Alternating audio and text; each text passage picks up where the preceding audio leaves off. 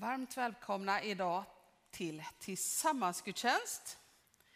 I dagens gudstjänst har vi många olika moment som visar att det här med att vara församling det är en stor bredd mellan liv och död.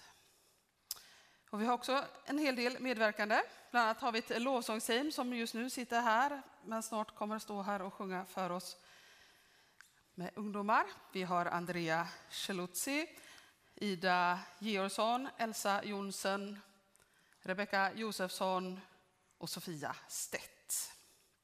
Organist idag är Ingrid Gabrielsson. Vi får textläsning av Olivia Karlsson. Jag kommer också intervjua Olivia och Rebecka lite. De är säkert jättenervösa för de har ingen aning om vad jag ska fråga dem om. Bara temat.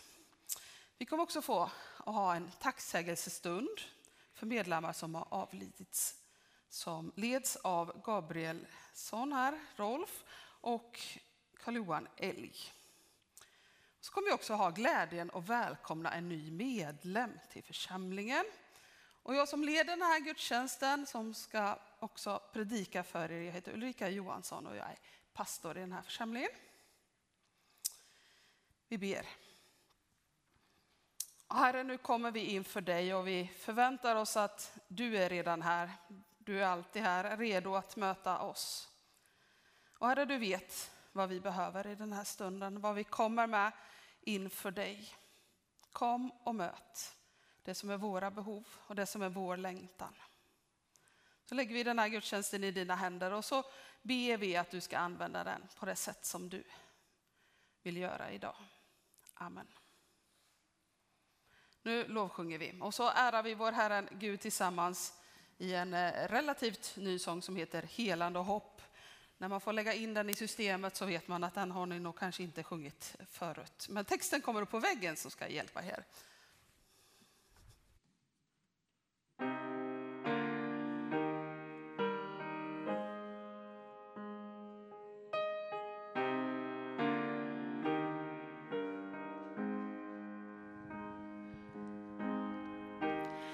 Du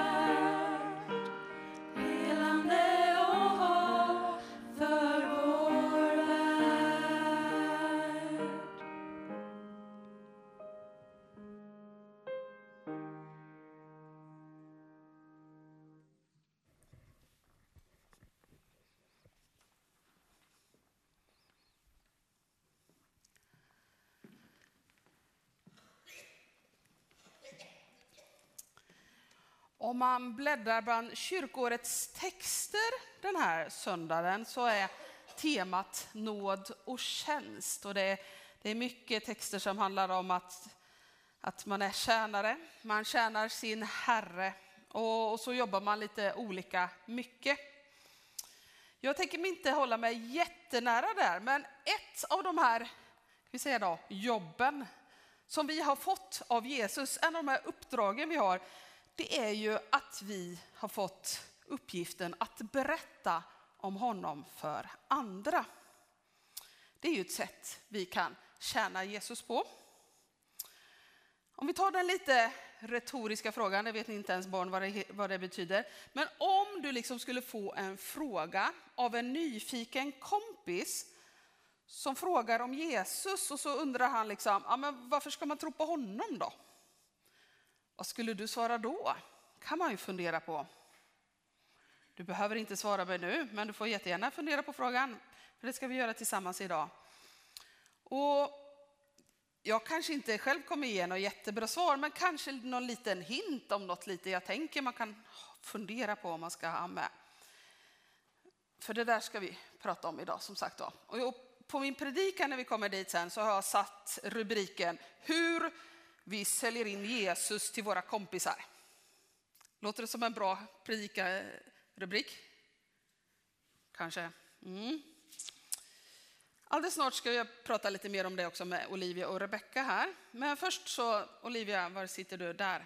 Vi vill höra ett bibelord som får oss lite in på de här tankarna. Och så ska vi ur det här bibelordet plocka fram en liten minnesvers. Yes. Jag läser från första Petrusbrevet kapitel 3, vers 13-17. Vem kan göra er något ont om ni arbetar för det goda? Om ni också får lida för rättfärdighetens skull är ni saliga. Var inte rädda, låt, er, låt dem inte skrämma er, men Herren Kristus skall ni hålla helig i era hjärtan. Var alltid beredda att svara och var, en som kräver, var och en som kräver besked om ert hopp. Men gör det ödmjukt och respektfullt i medvetande om er goda sak, så att de som talar illa om ert fromma liv i Kristus får skämmas för sitt förtal. Bättre lida för goda gärningar om det är Guds vilja än för onda. Tack. I den här så stod det bland annat, var alltid beredda att svara var och en som kräver besked om ert hopp. Kan vi få upp den på lite snygg bild här? Det här är dagens minnesvers. Ska vi läsa den tillsammans? Var alltid beredda att svara var och en som kräver besked om ert hopp. Och vårt hopp bygger ju på vår tro på Jesus Kristus. Mm, vi återkommer till den här i slutet så kanske ni kommer ihåg den. Men kom fram Rebecka också. Jag tar mig på den här sidan. Ta varsin mick här. Till att börja med, för pensionärernas skull här då. Vem är ni och, och vems, vem är ni som man brukar säga i Norrland? Alltså vilka är era föräldrar? Så de kan placera in er liksom i pusslet här nu. Ja, jag heter Rebecka Josefsson. Där är mina föräldrar. Säg, säg namn på dem. Åse-Marie och Stefan. Yes, jag heter Olivia Karlsson och är eh, Fredrik och Ulrikas barn. Då har ni koll va? Ja, bra. Ifall inte alla hade koll. Nu, eh, ni kan ju svara var för en, så här, liksom så här, men, men brukar ni liksom berätta för, för kompisar eller kanske om ni möter nya i något sammanhang liksom, att, att ni tror på Jesus? Och, om svaret är ja, vilket jag kanske misstänker att ni skulle kunna ha gjort det någon gång, men har man alltid gjort det eller har det varit lite olika i olika åldrar sådär? Börja Rebecka. Eh, ja, men jag brukar ju vara väldigt öppen med min tro. Särskilt om folk är intresserade och frågar. Eh, så är jag väldigt öppen. Men eh, eh, jag är ju definitivt mer öppen nu än vad man var när man var mindre. Eh, men även då så var jag väl ändå ganska så, ja men jag går i kyrkan, ja det är klart. Ja, ja. Ja, men jag skulle säga ganska lika. Att, typ eh, ja, mellanstadiet, högstadiet var det lite svårare. Men eh, det kommer väl mer och mer ju mer säker man blir i sin tro. Och, Mm. Men vad, vad, är det då liksom, vad är det man säger? Säger man att man liksom går på aktiviteter i kyrkan eller börjar man berätta vad man tror eller vad man har för relation med Jesus? Eller, eller om någon är ännu mer nyfiken berättar man ännu mer. Liksom. Kan ni spä på lite? var inne på det lite där Rebecka. Men... Ja, men det beror väl mycket på. Alltså ofta så är väl folk lite nyfikna. Eh, om de frågar så, men vad ska du göra i helgen? Då är det ju, ja men jag ska till kyrkan. Men de kan ju också fråga så, men varför tror du på Jesus? Eller vad innebär det här? För att det finns ju en stor okunskap och Mm. en nyfikenhet inför det. Tycker du det är svårt att berätta då, liksom, eller är det lätt att sätta ord på det? Alltså lite blandat. Ibland kan det vara ganska komplicerade frågor som man ombeds svara på. Så liksom, ja, men varför ser världen ut som den gör om Gud är god? Liksom? Och den kan ju vara lite svår att svara på. Så, men eh, Jo, jag försöker ju mitt Jag bästa. förstår. Ja. Ja, Olivia?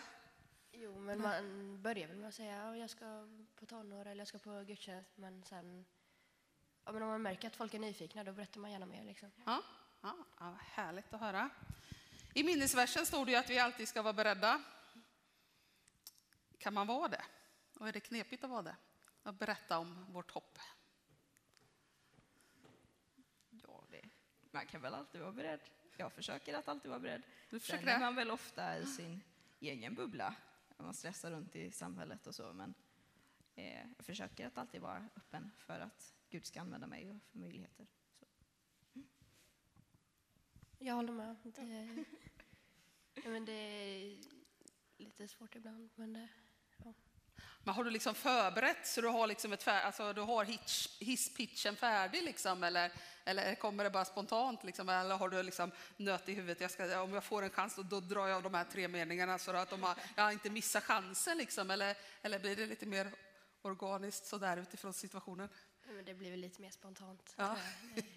Det beror väl på situationen. Ja, ja.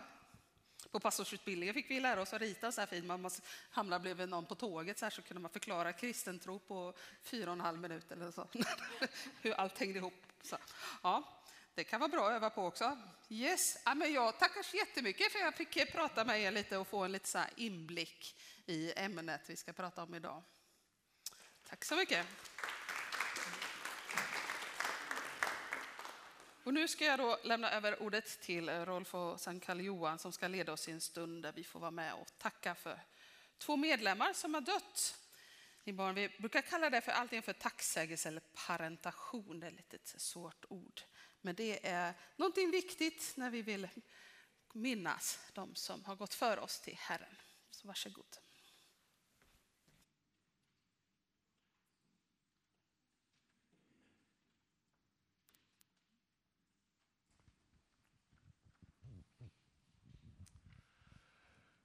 Första delen av presentationen här. Då sitter vi ner och så får ni tecken när det är dags att stå upp sedan. Som sagt, två av våra trossyskon har fått sluta sitt liv här på jorden, flyttat hem till Herren. Kara Elfgard avled den 19 januari, församlingens äldsta. Hon var fyllda 98 år. Hon har tillhört Tabergs missionssamling sedan 1991.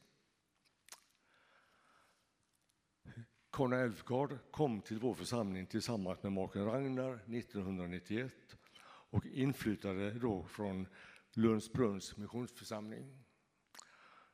De bodde då som hyresgäster hos familjen Ebefors och flyttade sedan till Skillingaryd 1999 och där dog maken Ragnar 2003. Jag hade själv förmånen att få besöka Kana, först i Skillingaryd och sedan på Solstickans äldreboende. Hon var ju i princip blind och såg inte vem det var som kom. Men eh, hon kände igen mig på rösten. Vi fick många fina stunder där och där Kana älskade att få berätta om tiden som missionär i Nepal där de arbetade under våren 1953 till 1961 då de tvingades fly på grund av fängslande av kristna. Under åren där fick de vara med om att bygga sjukhus, bygga upp en um-, ungdomsverksamhet och bilda en församling i Tansen, Nepal. Karna var en brinnande ungdomsledare genom åren med förkärlek för drama som pedagogiskt redskap. Under hösten här så fick eh, Eva Elg och Therese Altjärv möjlighet att hälsa på Karna. och det blev en fantastisk stund för Karna som då fick eh, prata med Therese om arbetet i Nepal nu och då. Vi delar minnet av Karna tillsammans med barnen, Marie, Lasse och Kerstin med familjer som de inte kunde vara med här idag.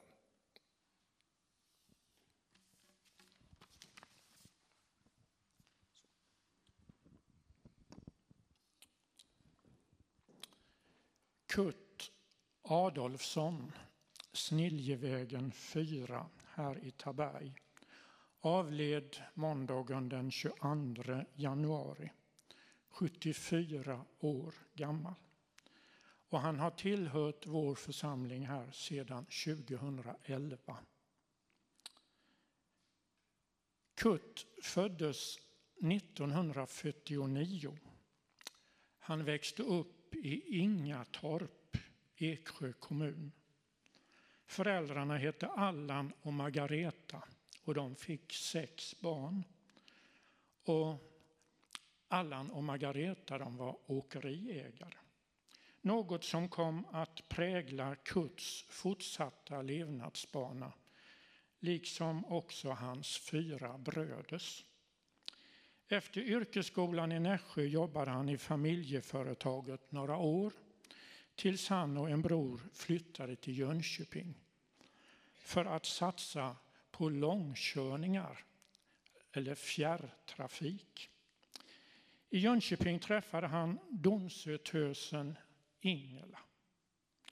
De gifte sig 1975 och bosatte sig i Öxnehaga där de bodde i tre år.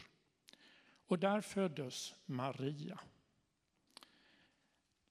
Genom kompisarnas dragningskraft blev det sedan villa i idylliska Bonstorp. Och där utökades familjen med Sandra och Erik.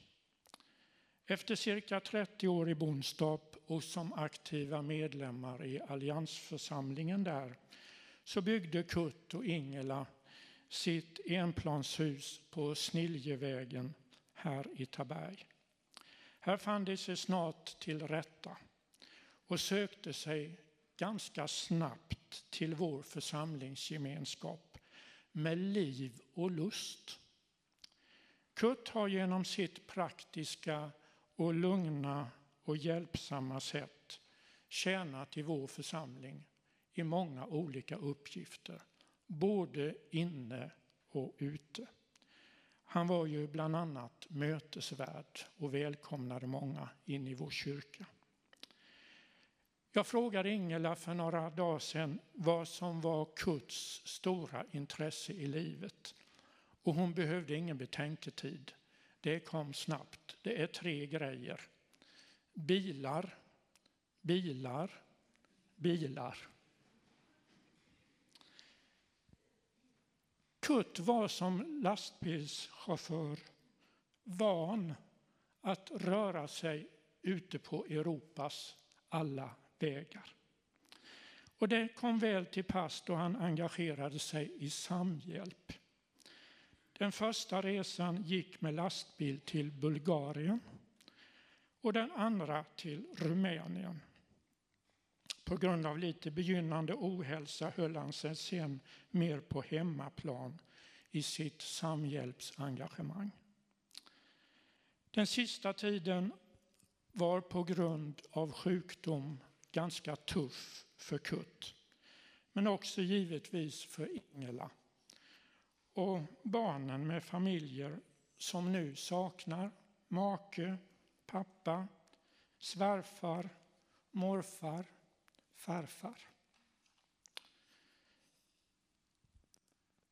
I församlingen kommer vi också att sakna Kurt. Hans jordnära, helt naturliga tro. Vi tackar Gud för honom och vill innesluta er i Guds familj, i våra förböner och i vår omsorg. Får jag så be församlingen att stå upp. När vi nu tackar Gud för Kana Elfgard och Kurt Adolfsson så instämmer vi i aposteln Paulus trosvissa ord. Om vi lever, lever vi för Herren. Om vi dör, dör vi för Herren. Vare sig vi lever eller dör tillhör vi alltså Herren. Romarbrevet 14 var det.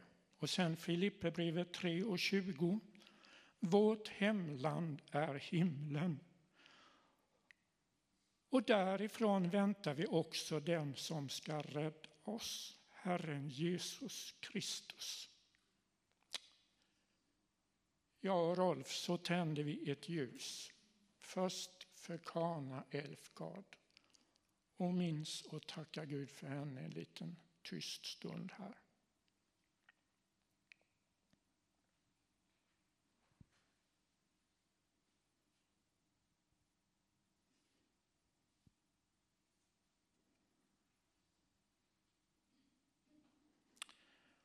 Och så får vi tända ett ljus för Kurt Adolfsson.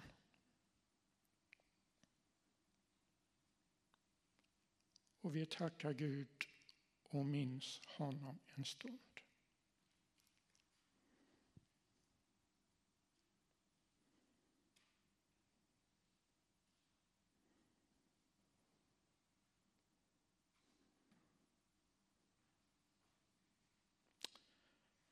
Herre, livets Gud, tack för livets gåva. För våra dagar på jorden, många eller få. Tack för nåden och kärleken som följer oss från livets början till livets slut. Idag tackar vi dig för Kana och för Kurt. Tack för det de fått vara i vår församlingsgemenskap. Välsigna och bär de närmaste i deras sorg och saknad nu. Och låt oss alla leva beredda för vårt eget uppbrott från det här livet. Vi ber så i Jesu Kristi namn. Amen.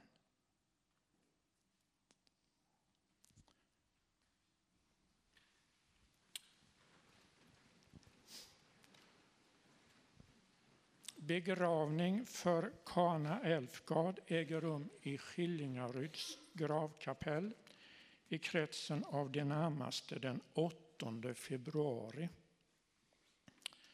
Och begravningsgudstjänst för Kurt Adolfsson sker i vår kyrka här fredagen den 16 februari klockan 12.00. Låt oss så sjunga tack och lovsången nummer 336. Jag vill ge dig, o Herre, min lovsång.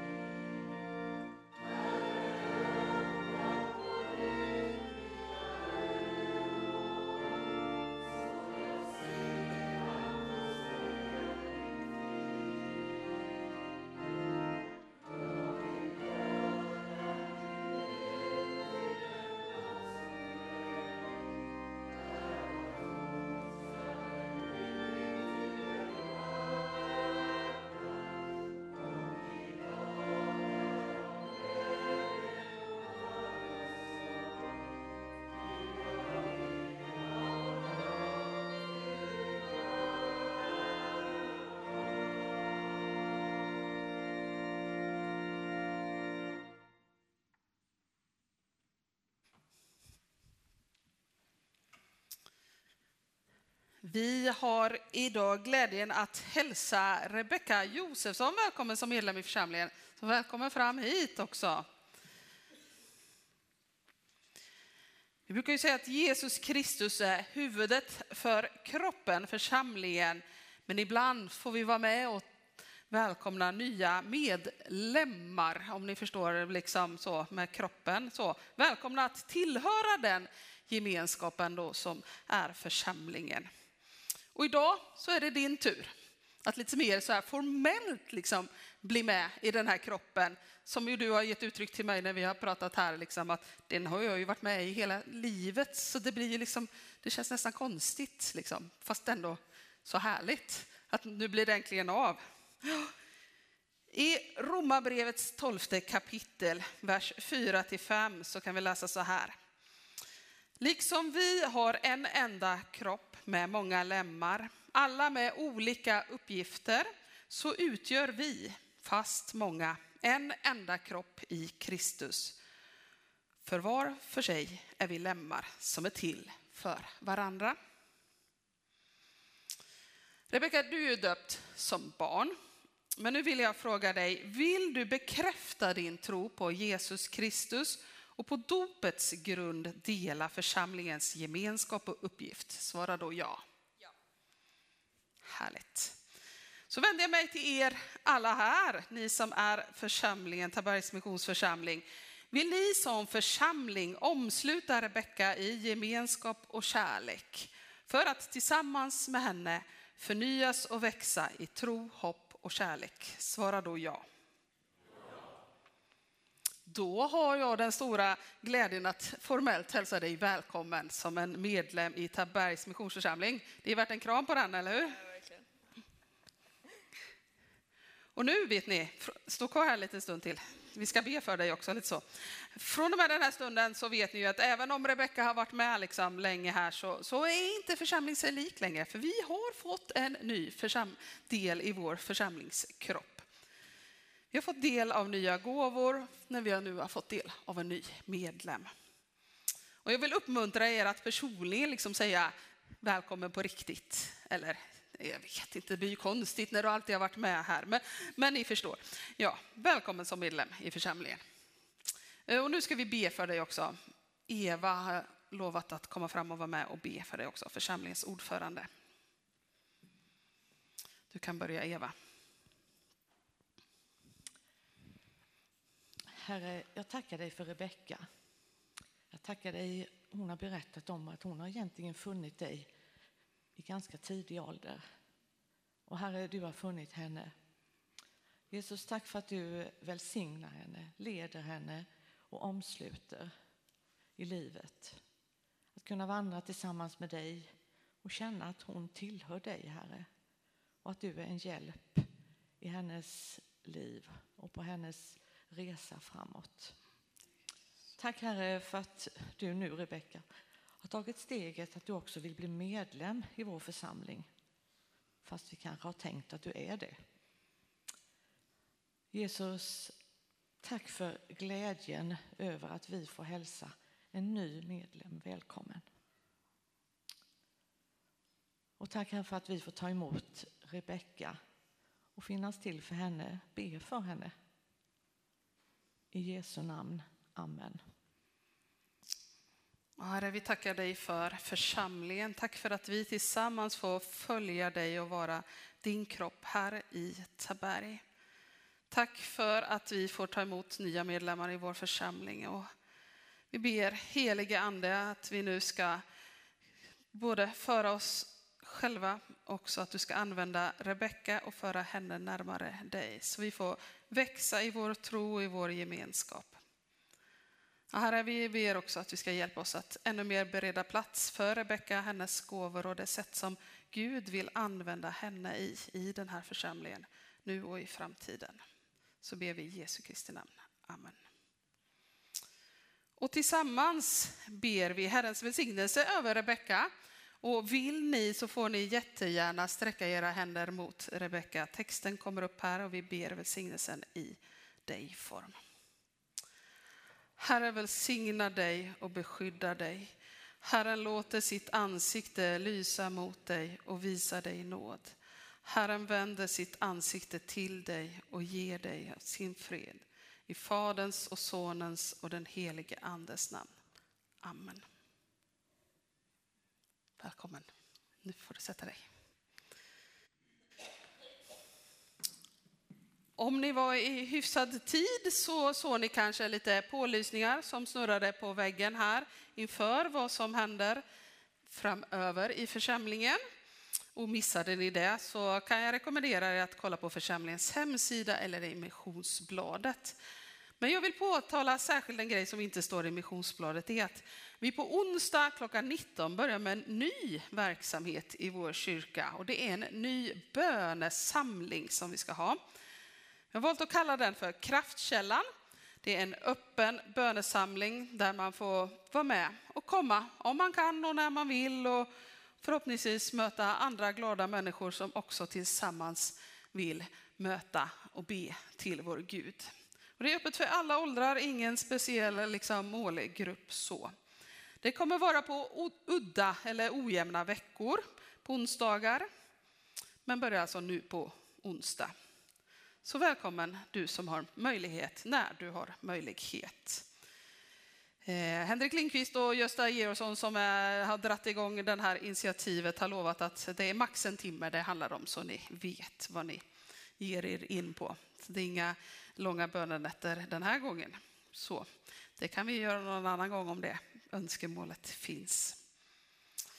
Nästa söndag kommer vi i gudstjänsten få besök av Lars-Gunnar Jonsson. Han är anställd på Svenska Alliansmissionen och vi kommer i den gudstjänsten ha någonting som vi kallar för Vi ber och ger till SAM. Jag vill också upplysa om att vi har ju församlingens årsmöte den 24 februari. Eh, det är ingen obligatorisk anmälan, den kommer man ju till om man vill som medlem. Men vill man hjälpa basgruppen att dimensionera frukosten, för det skulle de gärna vilja ha lite hjälp med, så får man jättegärna skriva upp sig om man tror att man kommer och ska äta frukost på en lista här ute på informationsdisken. Nu ska vi alldeles strax sjunga tillsammans nummer 288, Gud från ditt hus. Och I samband med det så kommer vi göra en insamling till församlingens arbete, ta upp kollekt. Eh, och det gör man ju genom Swish mest numera och Swish-numret kommer på väggen här. Men vill du ge din gåva kontant så finns ju också det möjligheten att göra det och då gör man det i en kollektbox på vägen ut efter gudstjänsten. Men innan vi sjunger så ber vi också för det vi ska samla in. Och herre, tack för att du är de stora gåvornas givare, att du ger oss så mycket. Tack för att vi nu när vi har insamling till församlingsarbete kan få vara med och ge tillbaka lite för att vara med och bygga ditt rike här i Taberg. Herre, vi ber att du ska göra oss till givmilda givare tillbaka till dig som ger allt till oss. Så ber vi i Jesu Kristi namn. Amen. Nu sjunger vi 288.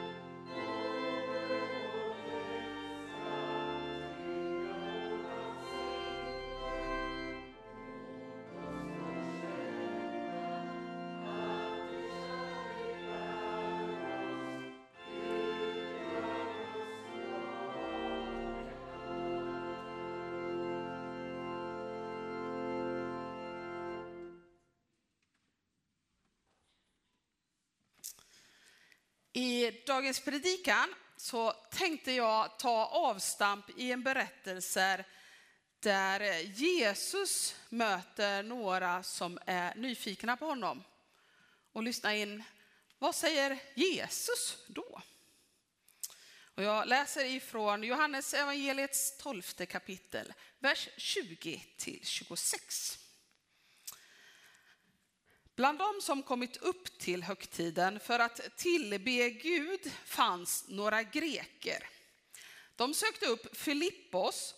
han som var från Besaida i Galileen och sa, Herre, vi vill gärna se Jesus.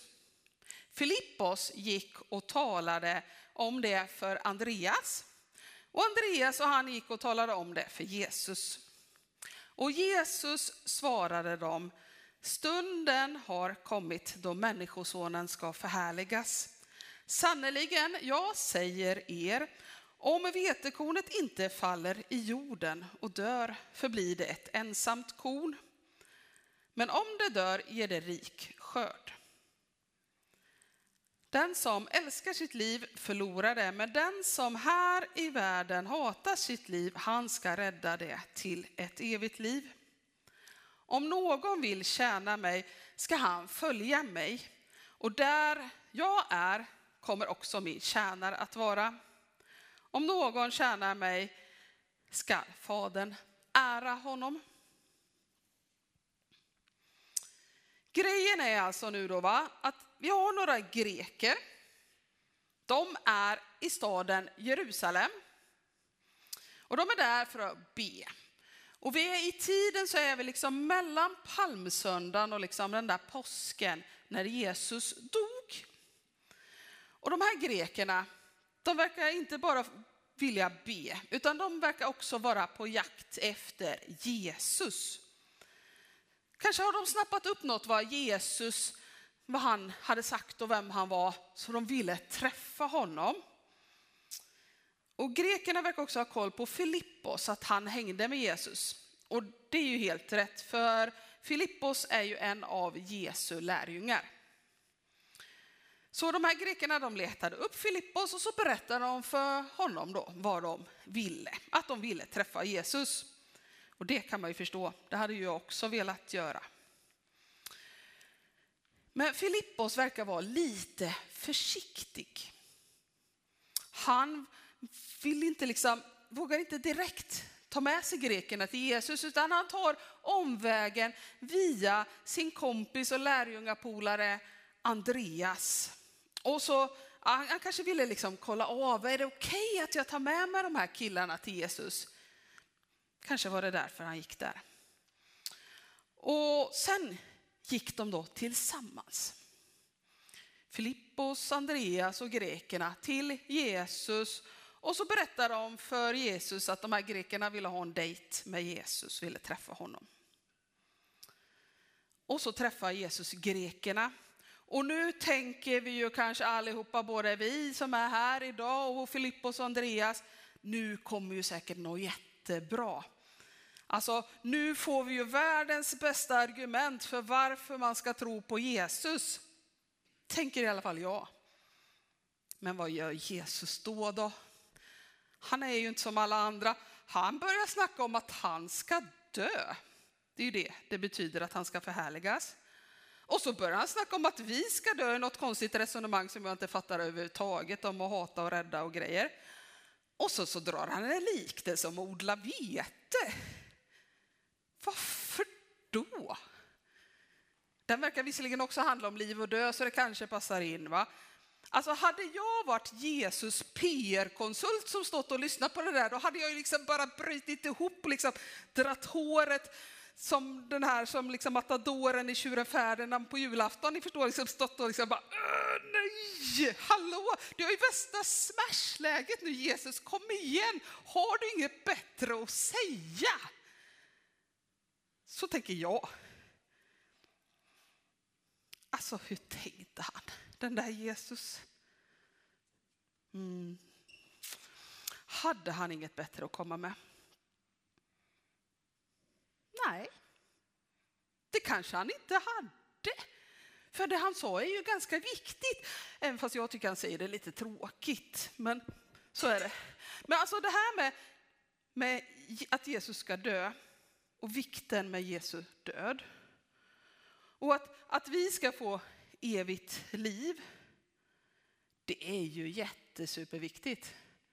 Det, det är ju nästan hela grejen med Jesus, eller hur?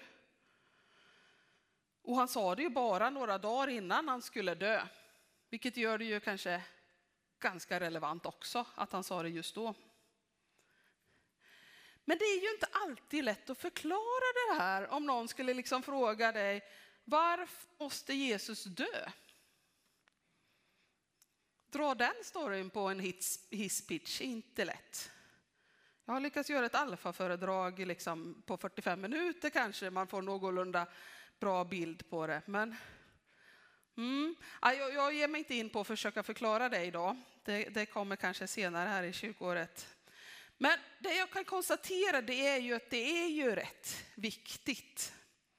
Och om vi liksom ska förklara för någon annan vad hela grejen med Jesus är, då tror inte jag att vi helt ska utelämna det här med Jesu död och uppståndelse. Det här som man ibland på lite extra kyrkiska brukar kalla för korsets dårskap. För det känns ju som det. Att det är, lite, det är lite knäppt med korset och att Jesus måste dö. Men det är ju samtidigt det som gör att vi kan sjunga som vi gjorde i den första sången, liksom, att Jesus är helande och hopp för vår värld. En som har försökt lite förklara grejer med Jesus, hon heter Josefin Arrhenius. Jag vet inte riktigt om ni har koll på henne. Hon är örebroare. Hon har bland annat en firma ihop med Edvard Wiberg som är gift med Rebecka som är pastor här borta i Pingstkyrkan i Taberg.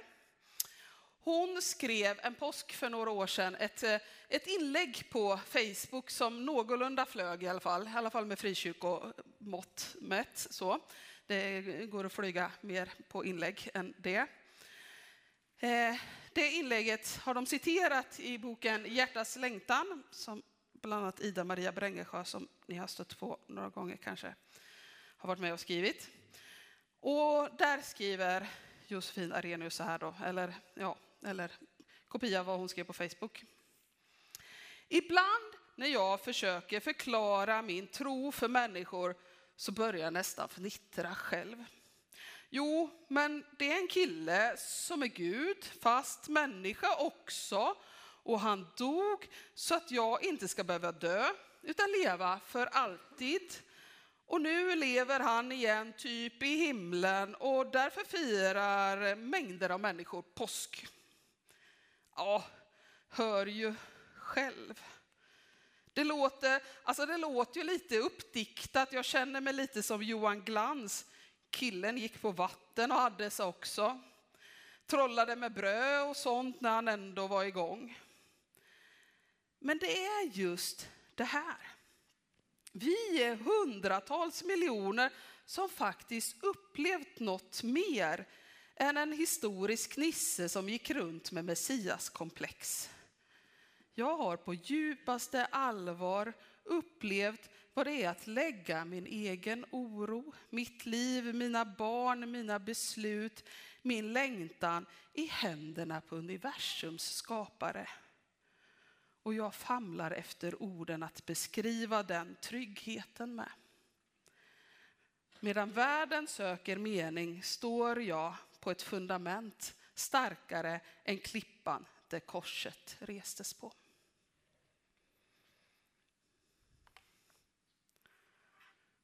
Mm, det är ju inte alltid lätt att beskriva kristen tro och vad det handlar om för dig och mig. Men när Jesus pratade med de här grekerna så, ja, han pratade en del om korset. Men han var också inne på att handla lite om vad det gör med dig och mig och vad det får oss att göra. För Jesus stannade ju inte och pratade bara om sin död och vår död och det som vi också kallar för vetekornets lag. För Jesus sa också, om någon tjänar mig skall han följa mig och där jag är kommer också min tjänare att vara. Om någon tjänar mig skall Fadern ära honom. Och det här handlar, tänker inte jag om att det bara är så att vi liksom en dag ska följa Jesus till himlen, den dagen när vi dör. Utan jag tror också att det handlar om att vi ska vara med och tjäna Jesus. Vi ska följa Jesus och vi ska vara på platser typ där Jesus var. Inte så att vi alla behöver åka till Jerusalem, men vi kommer liksom om vi följer Jesus vara på ganska liknande platser som Jesus var på. Vi kommer möta med och kanske käka mat med människor som kanske är till exempel utstötta. Det gjorde Jesus mycket. Han gillade nog att käka mat också. Det var ett bra sätt att umgås på och det tycker ju vi fortfarande. Hela grejen med Jesus handlar ju inte bara om sen. Vad som händer när vi dör. Även om vissheten om det ger ju oss ett stort hopp i vårt liv. Nej, det handlar också om hur vi följer Jesus här och nu i det liv vi lever här. Typ i Taberg eller vart du nu bor. Det handlar om den relationen vi har med Jesus och med Gud och vad den relationen gör med oss. Den trygghet, det hoppet, den tilliten till Gud och mycket mer som den relationen för med sig. Så om en kompis skulle fråga dig, vad är hela grejen med Jesus egentligen? Ja, men då kan det ju vara bra att berätta lite om den här grejen om Jesu död och uppståndelse. Kanske vad det betyder för oss idag. Men kanske ännu mer, berätta vad det gör med dig och vad det betyder för dig. Vad det får dig att göra. Vad det får dig att, liksom, vilka människor du möter på grund av det. Vad du har fått vara med eller kom, hoppas på att du ska få uppleva. Vad tron på Jesus betyder för dig. Inte för att du måste göra det. För ni vet, det här tjatar jag om och om igen. Kristen tro handlar inte om att prestera. Nej, vi ska göra det. För att du förhoppningsvis håller på att lära känna Jesus mer och mer. Och att du då liksom vill följa Jesus. Och att det gör att du hamnar på lite olika platser och olika möten med människor som Jesus för in dig i. Och det kan ju vara bra då att ibland så får vi ju liksom chansen att berätta för en, för en kompis som kanske är lite extra nyfiken. Som, sådana som Rebecca och Olivia berättade att de hade mött någon gång. Och då kan man ju liksom, ja men de kanske är nyfikna på vad, vad gjorde du i, i tisdags kväll? Ja men då säger du jag var på scouterna liksom så. Och så kanske du kan få berätta något mer. Och då är det bra att som man är på scouterna liksom vara alltid redo. Eller som det stod i minnesversen, var alltid beredd att svara var och en som kräver besked om ert hopp. Att kunna berätta vad det är som gör att jag tror på Jesus och vad det är som du tänker att det kan betyda för din kompis, vad du vill berätta för den. Och så kanske vi inte alla riktigt har fått kläpp, kläm på det här med korsets dårskap. För det är ju lite klurigt. Så hoppas ju jag såklart att jag och, och vakanspastor Kenneth kan få möjlighet att, att, förklara ännu mer om det för dig om två månader när vi liksom är framme vid påsk. Eller boka in ett samtal med oss. Vi är ganska trevliga att prata med om jag får säga det själv. Så, och så kan vi snacka lite om vad det innebär att följa Jesus och vad det kanske skulle innebära för utmaningar och möjligheter i ditt liv vad du längtar efter. Och så får vi ju erkänna att det är ju inte så enkelt alltid det här med att förklara kristen tro. Och PR-konsulterna fortsätter nog att slita sig liksom i håret om vi skulle be dem att dra fram liksom någon kort variant på den kristna pitchen. Liksom så. Vad är grejen med Jesus? Man skulle kunna säga att det kanske inte är så lättsålt, men jag tänker samtidigt att det är det mest som jag skulle kunna sälja in i hela livet, för det har förändrat allt för mig och betyder så mycket. Och jag tror och är övertygad om att lära känna och följa Jesus är precis vad människor behöver och längtar efter. De har bara inte fattat det själva allihopa än. För jag tänker att det är, det är vad vi behöver, inte minst i vår tid när liksom allt går fortare och fortare och vi sätter oss själva mer och mer i centrum. I en sån tid, då behöver vi stanna upp och fundera på vad är hela grejen egentligen och vem är det vi ska ha i centrum? Det tror jag är bra att göra. Och när du kanske själv då har klurat ut vad du tänker är grejen och vem det är du ska ha i centrum, så kan du ju passa på när du ändå har klurat på det att berätta det för en kompis. Och kanske kan du då vara med och sälja in vad hela grejen med Jesus är till din kompis. Amen. Ni kan börja och förbereda er medan jag förklarar lite vad vi ska göra i den stund som kommer nu. För nu ska vi gå in i en stund av bön och förbön och lovsång. Som vanligt så finns det möjlighet att få personlig förbön. Jag kommer sitta här på första bänken och finnas möjlighet om du vill ha personlig förbön. Kanske vill du att jag ska be för att du ska våga och ta mod till dig och berätta för en kompis om Jesus? Eller så är det något helt annat du behöver bön för. Eller vi ska be tillsammans för. Då finns jag där tillgänglig för er. Sen har vi också möjlighet att tända ett ljus om man vill symbolisera sin bön med det. Sprida lite ljus och värme och glädje. Och så finns det möjlighet att skriva lappar med böneämnen och står en instruktion där bakom. Man viker ihop den om man inte vill att någon ska läsa den, att vi bara ber för den. Men idag så har vi också lite specialare här framme. Vi har några bönbönor. Jag har sorterat upp här i olika färger. Lite böner som man kan använda som en symbol för sin bön. Jag har fyra sorters olika bönor här. Svart är tänkt att de ska symbolisera förlåt. Kanske vill du be Gud om förlåtelse för någonting du har gjort eller, eller be att Gud ska hjälpa dig att förlåta någon som har gjort något dumt åt dig. Sen har vi bruna som symboliserar hjälp. Om du vill att be Gud om hjälp om någonting som är svårt kanske, eller en sjukdom du kämpar med. Det där som vi vill liksom be som är våra egna bönämnen som handlar om oss själva. Sen har jag röda, eller jag vet inte riktigt vilken färg de här kidneybönorna är, men nästan röda.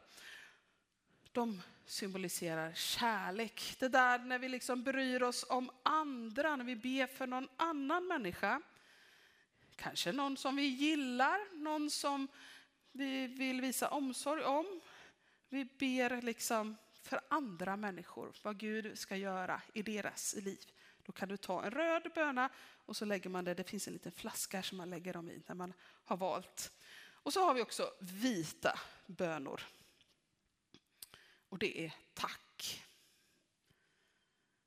Vi vill tacka Gud för någonting som vi är tacksam för. Någonting som ger glädje i livet, någonting som är bra och gott som vi vill uppmärksamma och tacka Gud för att han har gett till oss. Under tiden så får vi tillbe också Gud om man vill i lovsången som teamet här leder oss för och de sångerna kommer på väggen här. Så nu är vi i bön och tillbedjan en stund.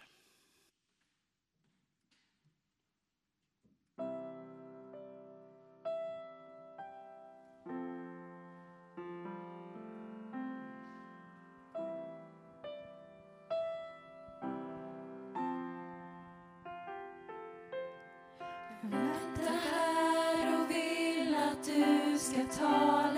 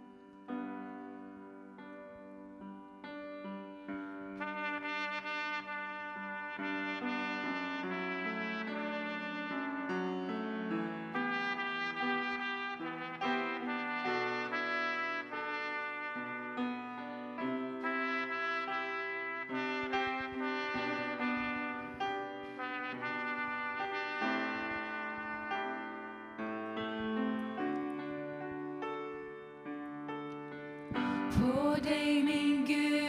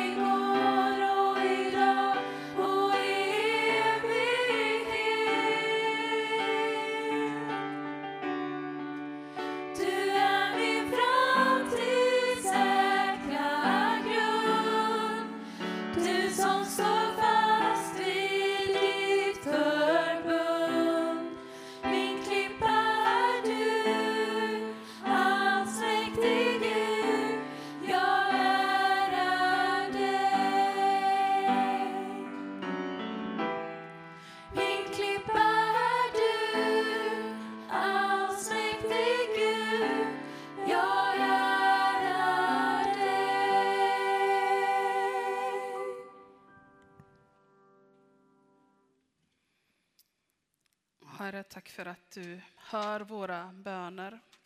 Tack för att du vet vad alla de här bönbönorna symboliserar.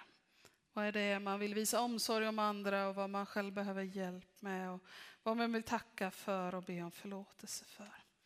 Och Herre, du känner också tanken bakom alla ljus som har tänts. Herre, vi ber att du ska vara barmhärtig, visa oss nåd och möta vår önskan.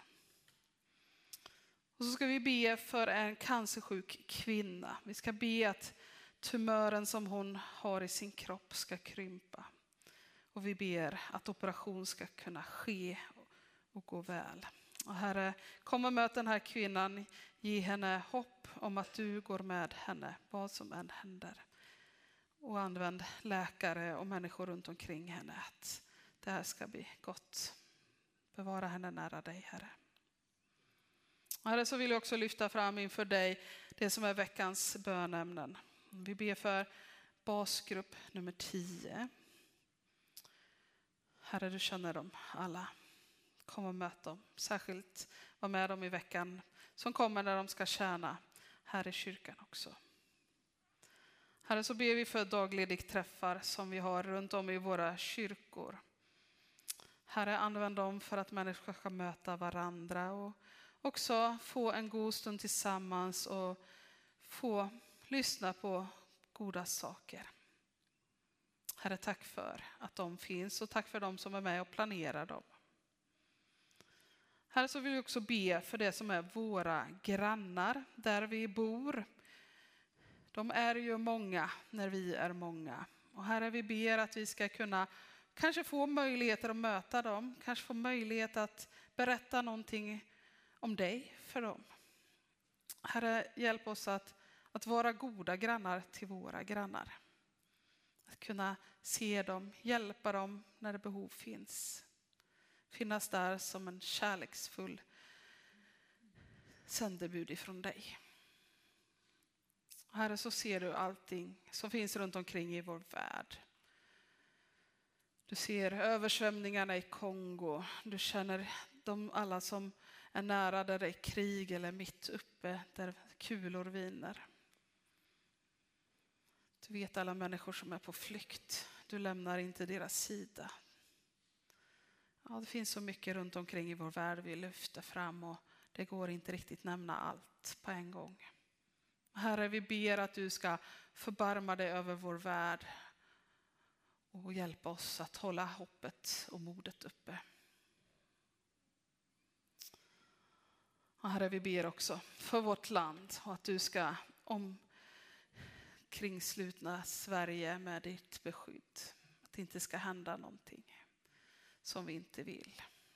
Håll borta krig och attacker av olika slag. Herre, så vill vi också idag tacka för att det nu är klart med vår nya församlingsföreståndare som vi beslutade om i söndags. Tack för att Christer har tackat ja och att han kommer hit och, och börjar första maj. Tack för att du har gått med i den processen och, och lett oss till att möta varandra. Så ber vi i Jesu Kristi namn. Amen. Innan vi ska fika och innan vi ska sjunga välsignelsen tillsammans så tänker jag det är dags att repetera dagens minnesvers. Vi får upp den här. Så läser vi den igen tillsammans. Var alltid beredda att svara var och en som kräver besked om ert hopp. Nu sjunger vi välsignelsen.